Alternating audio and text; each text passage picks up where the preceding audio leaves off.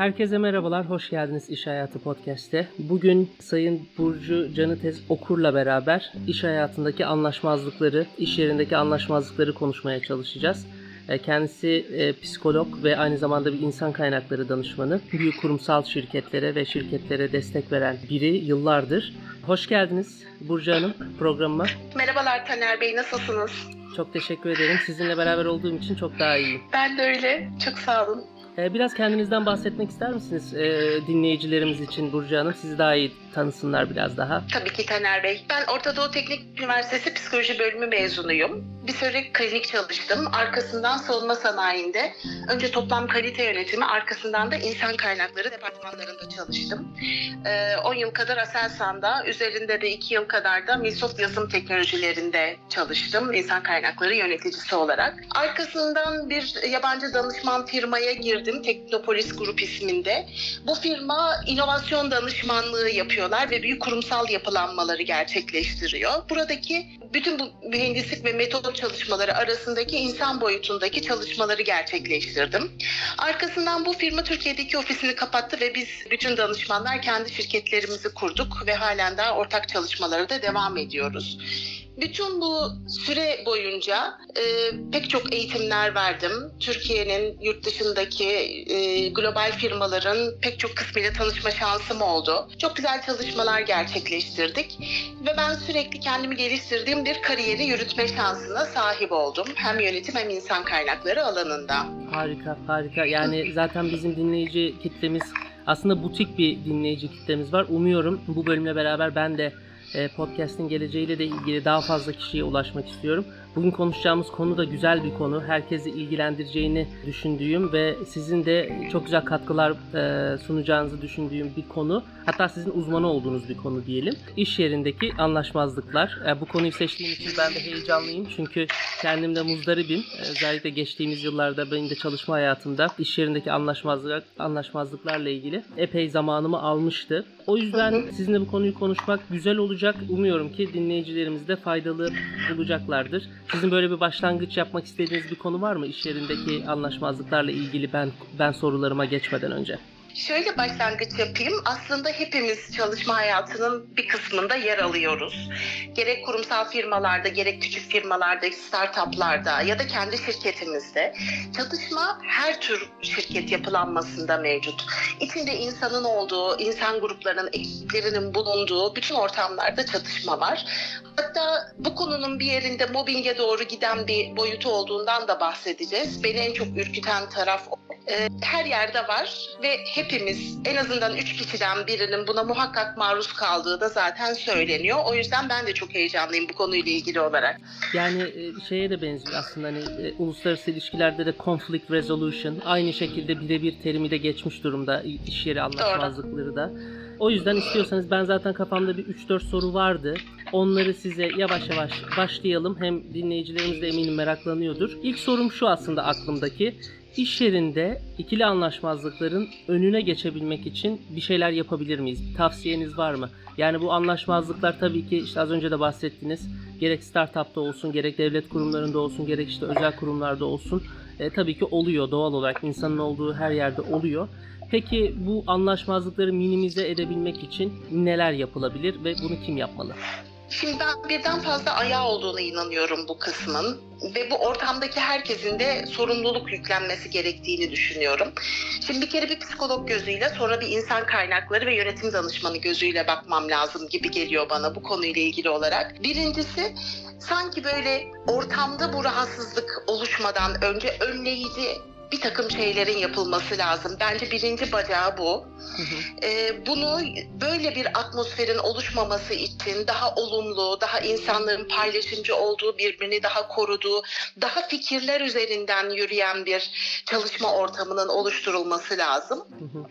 Bence bunun sahibi bu, bu sürecin ya da bu bu task'ın sahibi insan kaynakları ve şirket yönetimi. Şirketin prosedür ve uygulamaları, çalışanlarına bakış açısı, çatışmayı engelleyecek insanları belli bir potada eritip işbirliği içinde görev yapmaya yol açacak bir ortam oluşturuyor mu? Bence birinci ayağı bu. Diğer ayağı bireylerin kendileri özellikle aklımda şey var biz ekip olarak çalışıyoruz. Birbirimizi ne kadar kolluyoruz. Hmm. Bu çok önemli. Şimdi şey gibi bir çemberin içinde çalışan insanlar ve tüm süreçler bir şirketi oluşturuyor. Bu şirketin, bu çemberin dışı da dışarıdaki şirketler ve çalışma hayatının, yaşamın geri kalanı. Kendi içinde ne kadar mekanize, ne kadar uyumlu çalışırsa dışarıdan gelecek olumsuz etkiler ya da rekabet koşulları ya da işte dünyanın içinde bulunduğu ekonomik durumlar yani dış faktörleri o kadar az hissederiz ve o kadar daha güçlü oluruz. Eğer içimizde birbirini bu süreçler bir şekilde rahatsız etmeye, etkilemeye, dövmeye başlarsa dışarıdan gelen etkilere çok daha fazla açık olur. O yüzden ikinci bacak bence içerideki kişilerin burayı nasıl sahiplendiği hem birbirini hem süreçlerini şirketini. Diğerleri de üst yönetimin bence şirket sahibinin, şirket işte yönetim kurulunun bu şirketin insana bakışı şudur diyebilecek, aşağıdan gelen etkileri de bununla harmanlayabileceği bir e, yapılanmanın olması. Bence böyle bacakları var bu konunun. Anladım. Çok teşekkürler bu e, hem güzel cevap hem de e, özet için sebepleriyle ilgili ya da ayaklarıyla ilgili Burcu Hanım. Bununla ilgili ben yaptığım okumalarda hep şunu gördüm. Bu anlaşmazlıkların çoğunluğu ya işte tecrübesel farklılıklardan oluyor ya işte iş yerinde geçirilen sürenin e, işte kişiye e, fazlaca işte belki yetki vermesinden dolayı aynı pozisyonda olmalarında olmalarına rağmen örneğin iki müdür pozisyonundaki işte kişinin e, birinin daha az tecrübeli olması, birinin daha fazla tecrübeli olması, tabiri caizse askerdeki çayda dem, askerde kıdem tabiri caizse böyle bir söylemimiz var. Hani bu tarz bir şey var mı sizce ya da Türkiye'ye özgü bir şey mi? Uluslararası alanda ne durumda? Yani bu tecrübesel fark e, anlaşmazlıklara gebe oluyor mu? Anlaşmazlıklara sebep oluyor mu? Yani tecrübe benim yaptığım çalışmalar içinde hep karşılaştığım aslında stres miktarını etkiliyor. Çatışmanın da biraz stresle alakalı olduğu tarafları var. Biz çatışmayı aslında bir, bir yönüyle olumlu buluyoruz. Herkesin birbirine ah ne kadar güzel dedin, harikulade oldu dediği bir ortamda çok büyük bir yenilik, inovasyon, yaratıcılık yani dinamizm yakalayamıyoruz. Herkes çünkü harika gidiyor zaten diyerek Hı hı. böyle gayet rahat yaşamaya devam ediyor. Ne kadar çok böyle hani sürtünmeden alev doğar ya. Yani böyle hani doğada ateş yakmaya çalıştığınızda yeni bir şey üretmeye, olmayan bir şey yaratmaya çalıştığınızda bir miktar sürtünmeye ihtiyacımız var. Bu çatışma yönetimindeki mesele bu sürtünmeyi işte böyle etrafı tamamen yakacak bir yangından koruyabilecek yönetimi yapabilmek. Bu yüzden deneyim önemli. Deneyim çünkü insanları biraz daha sakinleştiriyor. İşte yaş ilerledikçe, yönetim kademesinde ilerledikçe insanlar daha anlayışlı, daha böyle hani bunun sonunu görebiliyorum. Evet bir şey başlıyor sonunu görebiliyorum. Panik değilim. Daha önce bunu gördüm. Daha kontrollü olmasına yol açabiliyor. Burada bence en kilit görevde çalışan kişiler de şirketin insan kaynakları. Bu, bu birimler insanların ne kadar deneyimi olduğu, neyi ne kadar tolere edebileceğim. Bizim kullandığımız çok güzel kişilik e, değerlendirme araçları var. Mesela bunlarla o yöneticilerin hangi noktalarda hassas davranabileceği ve hangi noktalarda büyük reaksiyon gösterebileceklerini bu kişilik envanterleriyle ölçebiliyoruz. Terfi ederken bu kişiler Hı hı. diyoruz ki şu şu şu alanlarda çok başarılı olur önünü açalım. İşte müşteriyle görüşmekti, dış dünyaya adapte olmaktı, satış yapmaktı. Ya da bazı yöneticiler var tamamıyla ekip başarısına odaklı. Hı hı. e, olabildiği kadar insanların içindeki iyiyi çıkartan. Yani bu bu deneyim çok önemli ve bunu kaydını tutan yerde insan kaynaklara. O yüzden bu özellikle mobbinge doğru evrilme kısmını engelleyebilecek hani o, o sürtüşmenin aleve yol açmasını engelleyecek alan aslında insan kaynakları. Bu anlamda insan kaynaklarının da deneyimli olmasını biz hep tercih ederiz. Anladım Burcu Hanım. Peki siz sonra siz aslında anlatırken e, aklıma gelen bir soru. İnsan kaynakları ya da işte üst yönetim işte CEO seviyesinde ya da genel müdür seviyesinde böyle bir ortama izin veriyorsa Yani Sizce şirkete olan olumsuz yansımaları ne olacaktır? Hani böyle bir ortamdan hoşnutluk duyuyorsa ya da böyle bir ortamın işte çalışma ortamını kızıştırdığını, işte belki daha iyi sonuçlar almalarına sebep olduklarını falan düşünüyorsa belki hani biraz böyle ters bir soru oldu ama bunu yapan şirketler olduğunu biliyoruz. Hani böyle bir ortama izin veren şirketler olduğunu bilerek bazı hatta aile şirketlerinin buna bilerek izin verdiğini biliyoruz. Bununla ilgili birkaç cümle alabilir miyim acaba?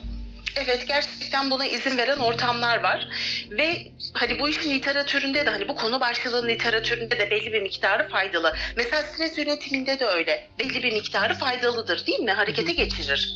Şimdi bu anlamda çatışmaya belli bir miktara kadar izin veriyorlar ama bazen şirketler gerçekten çalışanlarıyla çok bağ kurmayabiliyorlar. Yani sadece süreçler ve prosedürler üzerinden yöneten insan bacağını biraz zayıf tutan insan kaynaklarını daha böyle e, işte form format daha böyle uygulama ağırlıklı çalıştıran şirketler var. Bence bir şirketin cidden en önemli, en kontrol edilesi unsurları insanları. Başarıya götüren de insanları, şirketi yerinde saydıran da insanları. Bu yüzden bence bunu görmüyor olabilirler. Bu bir olasılıktır ve ben buna çok şahit oldum. Aa gerçekten bu o departmanlar birbirleriyle anlaşamıyorlar ama biz sebebini hiç anlayamamıştık. Birbirlerinden hoşlanmıyor zannediyoruz gibi söyleyen şeyler de gördüm. Hani bu şirket yönetim toplantılarında danışmanlık vermeye gittiğimizde hep karşılaşıyoruz. Bir çatışma var, yok sayılıyor.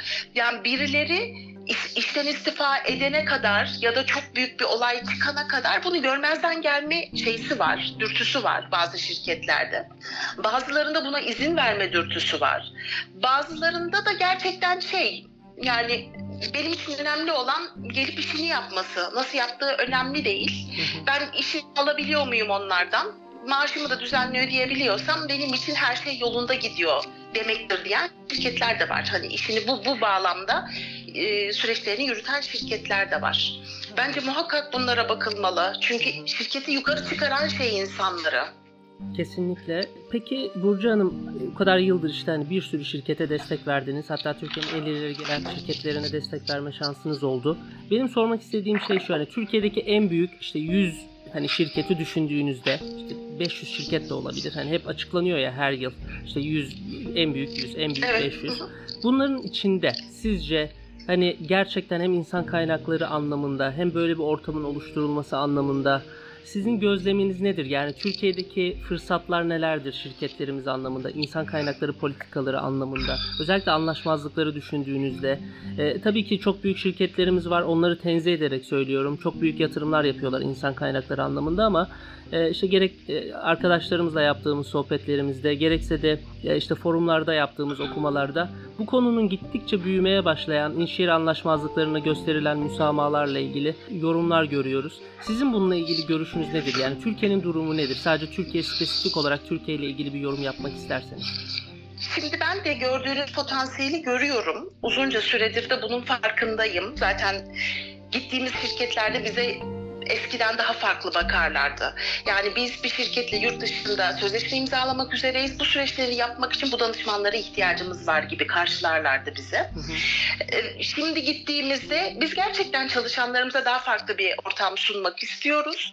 Bunu da kendimizi büyütmek için değerlendireceğiz diyen şirketler var. Yani insanlardaki değişim hani bizler tarafından hani masanın bu tarafındaki değişim şirket yöneticilerindeki değişimden çok daha erken gerçekleşti ama şirket yönetimleri cidden bir atılım içindeler. Çalışanlarıma farklı bir şey yaparsam edindiğim sonuçlar daha daha büyük olacak. Benim için daha daha tatmin edici olacak diye düşünüyorlar. Bu çok güzel.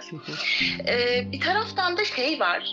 Evet insan kaynakları sadece yöneticinin dediğini yapan bir takım işte ne bileyim kağıt evrak işleri yapan bir birim olmaktan çıkıp ben gelecekte şu piyasaya açılmak istiyorum. Elimdeki kaynak buna uygun mu? Ve benim şöyle şöyle nitelikteki birilerini yerleştirmem lazım. İçerideki birimleri birbirleriyle böyle böyle anlaştırmam lazım. Ne düşünürsün diye fikir sordukları bir yere doğru gidiyor. İnsan kaynakları artık çok daha nitelikli olmak zorunda. Finansal tabloları okumak zorundayız. Psikolojiyi öğrenmek zorundayız. Yönetim becerilerini öğrenmek zorundayız. Yani piyasaları analiz ediyor olmalıyız. Uzun vadede bizim yaptığımız iş dünyanın neresinde çok daha revaçta? Nereye doğru evriliyor? Neler öğrenebiliriz? Bunlar çok çok önemli diye düşünüyorum şu son zamanlardan. Bence güzel bir e, özet oldu bu konuyla da ilgili. Çünkü büyüyüp giden özellikle Türkiye'de yine bahsettim. Tabii dünyada da kesinlikle ama bizim genelde dinleyici kitle, e, kitlemiz de tabii Türkiye'den veya yurt dışında yaşayan Türkler olduğu için e, çok güzel bir özet oldu. Teşekkür ederim.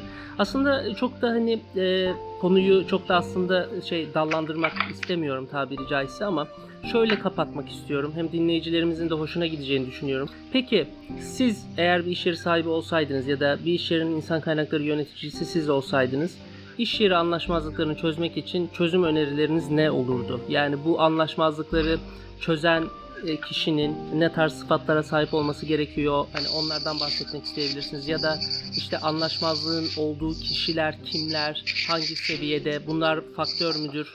Yani kısacası hani çözüm önerileriyle ilgili bir, bir şeyler de duyarsak çok seviniriz Burcu Hanım. Tabii ben yine bunu birden fazla başlık altında ele almak isterim. Bir Tabii. kere birey olarak biz ne yapalım? Daha sonra kurumsal çözümlere geleyim. İnsanoğlu yani duygusal bir varlık. Bazen sinirlenerek davranıyoruz. Profesyonel yanıt verdiğimizi düşünüyoruz. Bazen tutturuyoruz. Hani süper negotiate ederim diye düşünüp yani dört elle sarılıyoruz.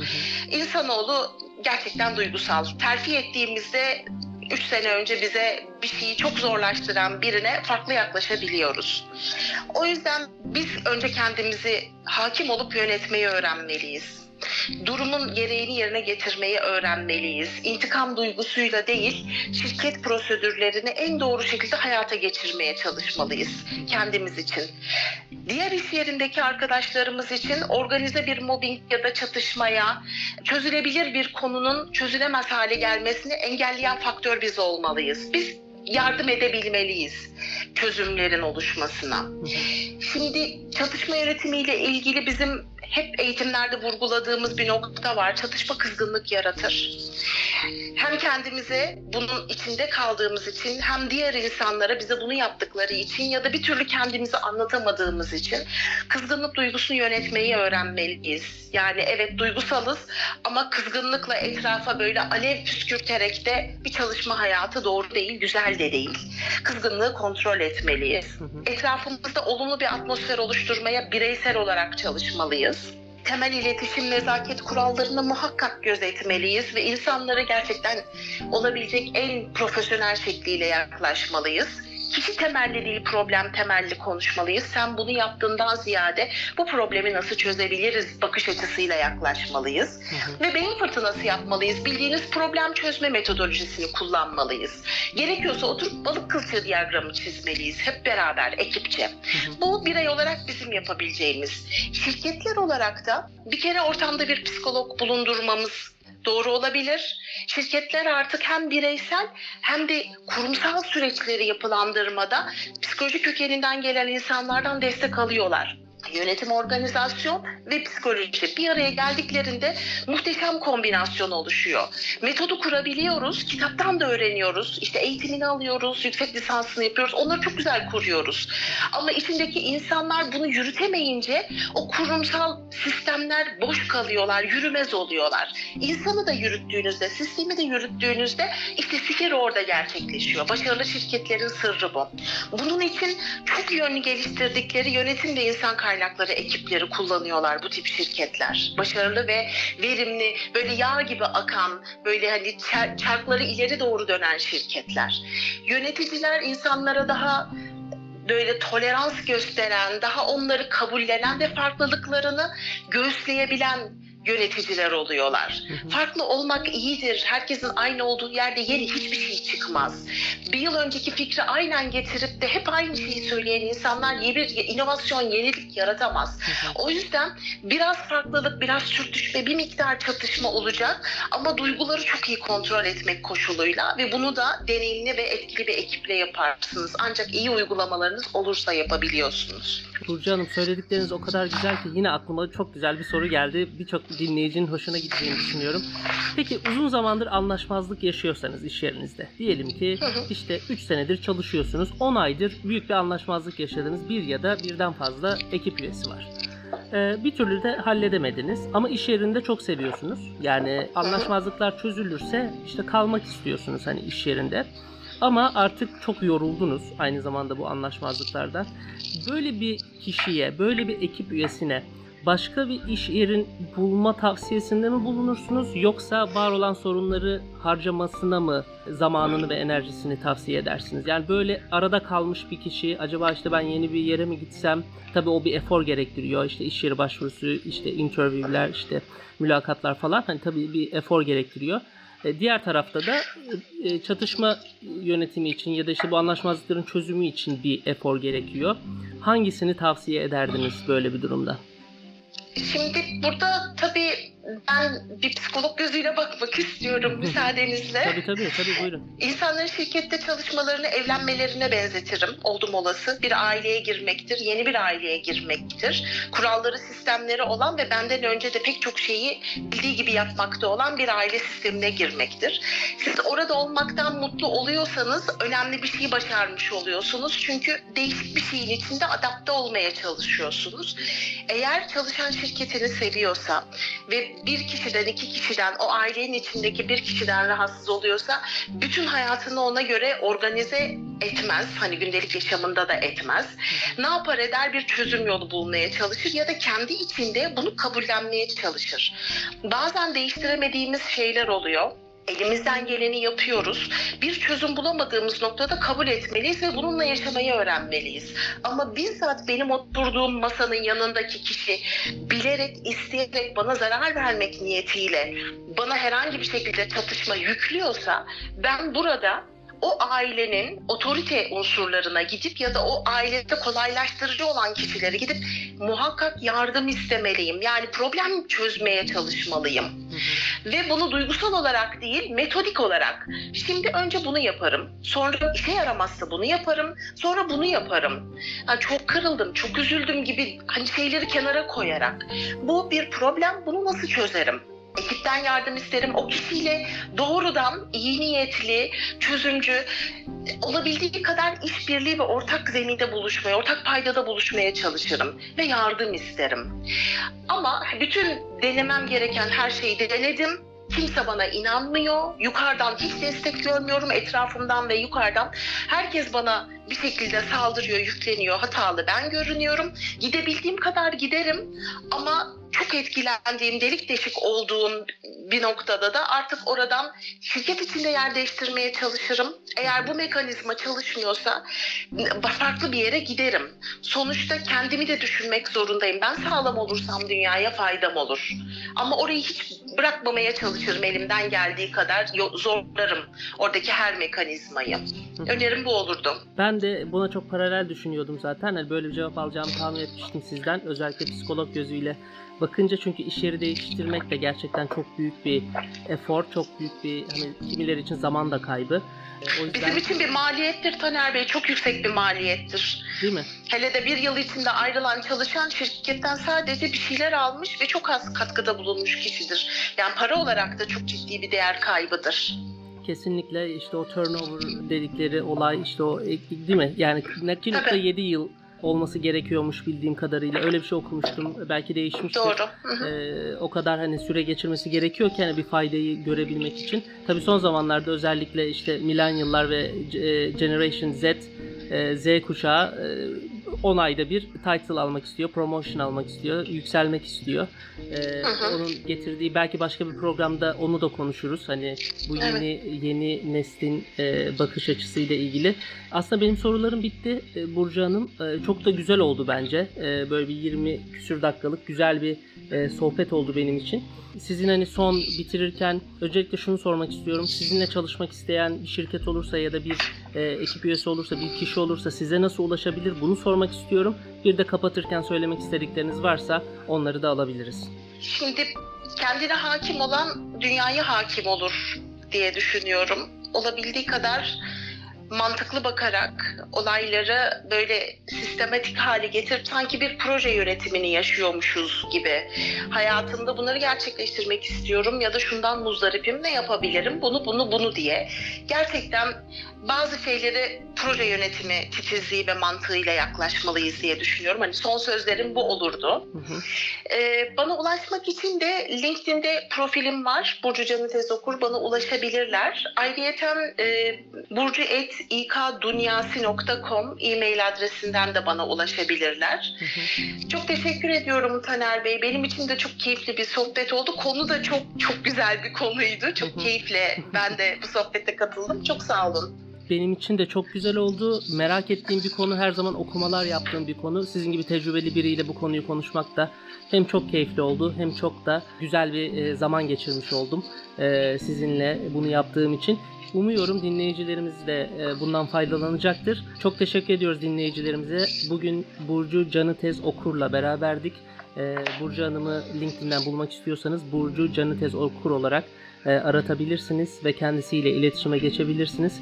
Umuyoruz Burcu Hanım sizi başka bir programda da yine aramızda görürüz. Ne zaman isterseniz seve seve Taner Bey. Çok teşekkürler. Görüşmek üzere. Herkese bu arada iyi bayramlar. Çok teşekkür ederim. Ben de iyi bayramlar diliyorum. İyi günler. Sağ olun.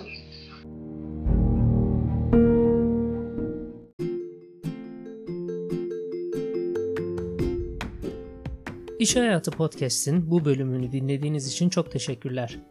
Bu ve diğer bütün kayıtları Spotify, Apple Podcast, Google Podcast ve tüm dijital mecralarda bulabilirsiniz. Bu kaydı beğendiyseniz paylaşmayı ve dinlediğiniz podcast platformundan abone olmayı unutmayın. Bir sonraki bölümde görüşmek üzere.